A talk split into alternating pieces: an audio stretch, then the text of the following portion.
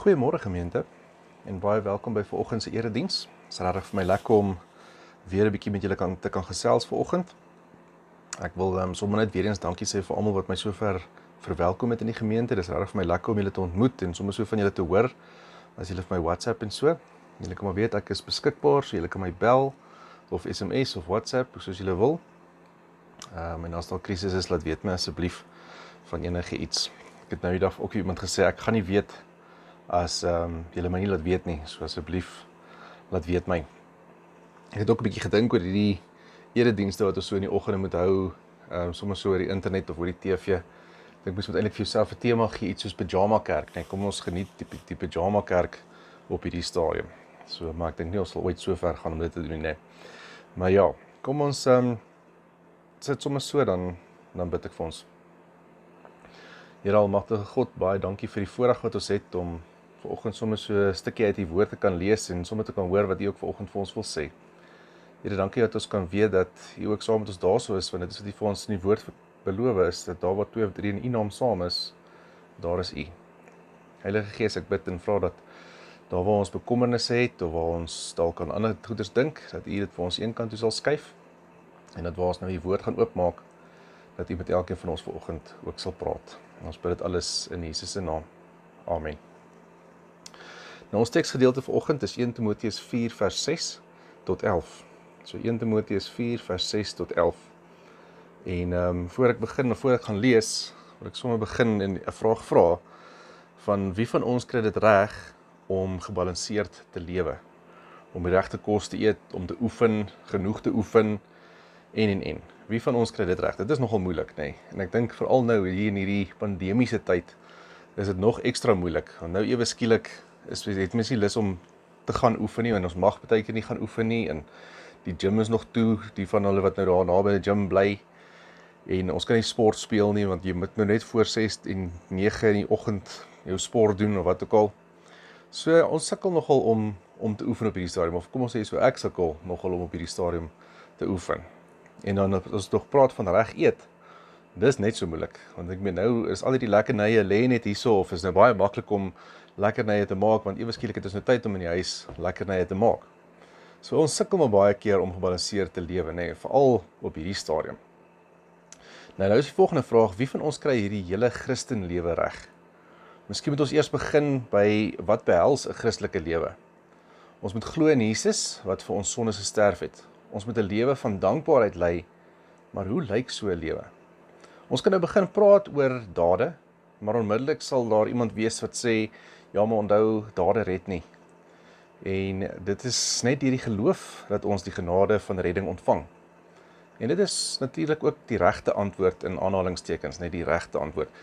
Maar daardie regte antwoord in aanhalingstekens maak ons slap Christene. Ons is geestelik slap, spiritually flabby, né? Nee? So kom ons lees bietjie wat sê 1 Timoteus 4 vir ons vanoggend. As jy hierdie dinge aan die broers voorhou, sal jy 'n goeie dienaar van Christus Jesus wees wat jouself voed met die woorde van die geloof en die goeie leer waarvan jy 'n aanhanger geword het. Maar van onheilige en sinlose verdigsels moet jy wegbly. Oefen jou liewer om in toewyding aan God te lewe. Om jou liggaam te oefen het wel 'n bietjie waarde, maar om in toewyding aan God te lewe het in alle opsigte groot waarde, want dit bevat 'n belofte van lewe vir nou en die toekoms. Dit is 'n betroubare woord en kan sonder voorbehoud aanvaar word. Met hierdie vooruitsig span ons ons kragte in en stry ons, want ons het ons hoop op die lewende God gefestig, wat die verlosser is vir alle mense van almal wat glo. Hierdie dinge moet jy mense beveel en leer. Net sover. Nou hier is vir my twee belangrike gedeeltes in hierdie teks vanoggend. 1. Die geestelike voedsel wat Timoteus eet en die feit dat Paulus vir hom sê dat hy moet nommer 2 oefen in toewyding tot die Here. Paulus praat hier van geestelik sterk wees. Daarvoor benodig ons twee elemente: voeding en oefening. Vers 6 praat van die woord en die lering van God as die voedsel wat hy moet eet. En dan vers 7 moet hy sy toewyding inoefen. so hoe pas ons regte antwoord in aanhalingstekens by hierdie teks in. Jy hoef net te glo, hè, daai regte antwoord. Maar hier is Paulus dan nou besig om Timoteus te laat oefen aan sy toewyding. En ek dink ons sal veilig wees om te sê dat Timoteus op daardie stadium al 'n redelike rukkie gered was, nê. Nee, sy hart al 'n ruk vir die Here gegee het. Dis nie dat hy nou 'n nuwe Christen is eh, of nou net bekeer het nie. So hy is al 'n geruime tyd 'n Christen en nou kom Paulus en hy sê vir hom: "Luister, jy moet oefen in hierdie toewyding." So Paulus voeg dade by die genade, as ek dit so kan stel. Vir lank is ons al besig om die gedagte van genade te probeer vereenselwig met dade. Aan die een kant word ons gered deur geloof alleen, ja, maar aan die ander kant is die Bybel vol van dade wat van ons vereis word. Die boek wat ek op hierdie stadium lees, sê die skrywer iets interessant.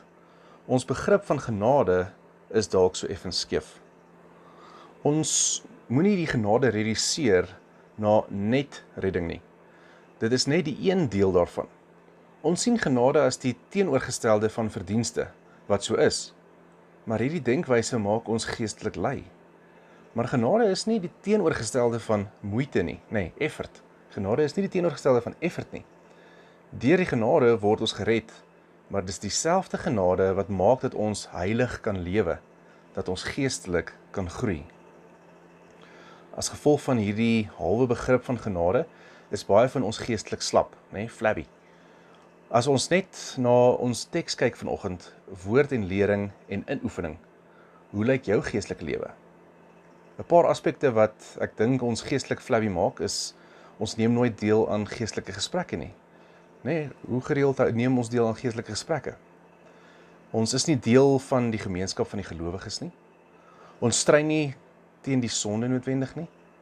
Ons lees nie ons Bybels nie, ons bid nie gereeld nie ons verwaarloos ons gawes, nê, dit kom by die bediening deel uit. Waar waar is jy besig om te bedien? Ons sal nou praat daaroor. In kort, ons leef nie soos Jesus nie. Maar meer as dit, ons probeer nie eers nie.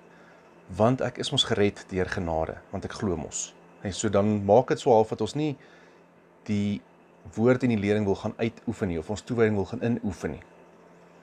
En omdat ek gered is, is ek mos nou 'n Christen of 'n kind van die Here. Jy kry 'n nuwe identiteit in Christus jou identiteit bepaal hoe jy gaan optree. En ek dink ons vergeet baie keer wie ons is in Christus. En dan begin ons anders optree as wat ons moet. Ons begin geestelik slap word, nê? Nee? Flabby word, vet word. Net soos wat ons eie identiteit gevorm word deur jou ouers en vriende, moet jou geestelike identiteit ook groei of gevorm word. Die Here vorm ons identiteit deur sy woord en sy gees in ons harte. Ons groei gebeur stelselmatig deur gehoorsaamheid en nie tyd nie. Hierdie is baie belangrik. Ons groei nie geestelik deur die tyd wat jy 'n Christen is nie. Ons groei geestelik as gevolg van gehoorsaamheid. En dit is waar hierdie dade van Paulus nou inkom. Oefen in die toewyding tot die Here. Maar wat moet ons oefen? Die gedagte is om al meer soos Jesus te word. So om te oefen in jou toewyding beteken jy moet inoefen om soos Jesus te wees. En die beste manier om dit te doen is natuurlik om die woord om in die woord te gaan kyk hoe en wie Jesus is. Jesus is God geopenbaar aan ons. Wanneer jy Jesus leer ken, is jy besig om God te leer ken. Vorming van geloofsgewoontes of dan geloofsdissiplines is nie iets wat net gebeur nie. Dit vat tyd en inoefening. Niemand van ons het die dag toe ons bekeer ewe skielik net perfek begin leef nie. Nee, die genade het jou gered Jy is vry, ja. Maar dit is daardie selfde genade wat jou nou in staat stel om geestelik te groei, om heilig te lewe, nê? Nee, ons moet al hoe meer neig om heilig te lewe, al hoe meer probeer om heilig te lewe. Nou watter geestelike dissiplines is daar? Nou kom ons kyk na die lewe van Jesus en ek wil begin met hierdie ene. Jesus het kerk toe gegaan. Hy was gereeld in die sinagoges.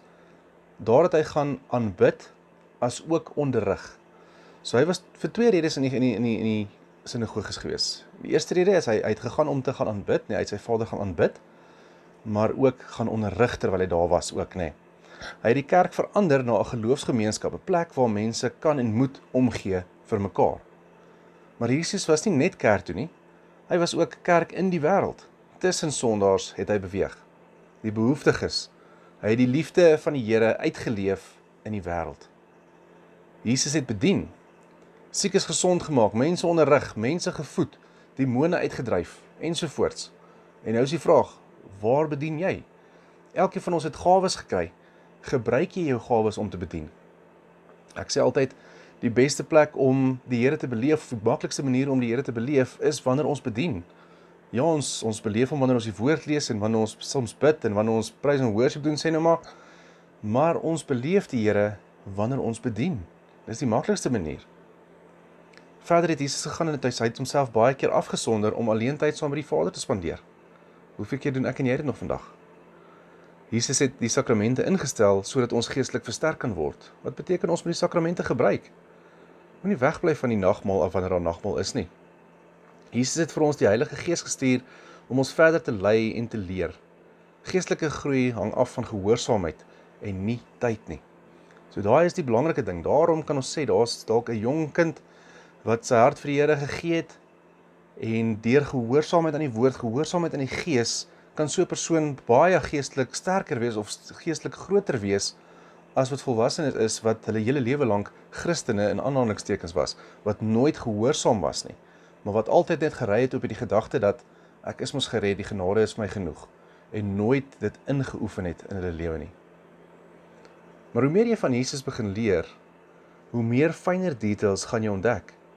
En dit is hierdie geestelike dissiplines wat jou laat groei en wat jou identiteit in Jesus vorm. So waarop dit neerkom om geestelik te groei, verg inoefening van geestelike dissiplines. Amen. Here baie dankie dat ons sommer vanoggend uit weer kon kon lees en en en hoor dat ons is gered deur geloof, Here. Here dat ons kan weet omdat ons glo is ons kinders van U. Here, maar ek wil kom bid vandag en vra dat dit nie ons verskoning sal wees om uit te gaan en op ons toewyding aan U te gaan uitleef nie en dit te gaan inoefen nie. Here, ons mag gebruik so maklik die verskoning om te sê maar ons is mos nou kinders van U. Ons hoef nou verder niks te doen nie. Here, sonder sonder dat ons weet, is ons besig om 'n groot deel van U uit te mis. Here, ek kom bid en vra dat U deur die Gees vir ons sal wys waar ons 'n verskil kan maak. Here, dat U ons sal gebruik in sulke plekke waar ons waar ons 'n verskil kan maak. Here, maar my grootste hartsgebed vandag is dat wanneer ons gaan bedien, wanneer ons hierdie hierdie leemte raak sien, dat wanneer ons aandag gee daaraan, dat ons U sal beleef in daardie bediening van ons. Ja, en ek wil kom bid en vra dat U vir ons hierdie leemte sal kom wys, dat U vir ons die krag en die wysheid sal gee om hierdie leemte aan te pak soos wat U graag wil hê ons moet. Here ek wil kom bid en vra dat U met ons land sal gaan daar in hierdie pandemie. Here dat U vir ons as mensdom 'n uh, uit 'n uh, oplossing sal kom gee. Here dat U met almal sal gaan wat op hierdie stadium hulle werke verloor het of wat wat finansiëel nou onder druk is. Here dat U vir hulle rustigheid en en kalmte sal gee. Here dat ons net weer sal besef maar U voorsien vir ons. Here ons kom bid vir ons regering, kom vra dat U vir hulle wysheid en insig sal gee om ons land te regeer soos wat wat U graag wil hê hulle moet. Here dan wil ons kom bid vir ons dorp en vir ons gemeente. En ons wil kom vra dat U U hand van seën en genade ook daaroor ons sal kom hou. Here, dankie vir alles wat U vir ons doen. Ons wil U loof en prys vir U goedheid, vir U voorsiening. Here, as ons sommer so terugkyk in die verlede, dan kan ons nie anders as om om U hand daar te sien nie.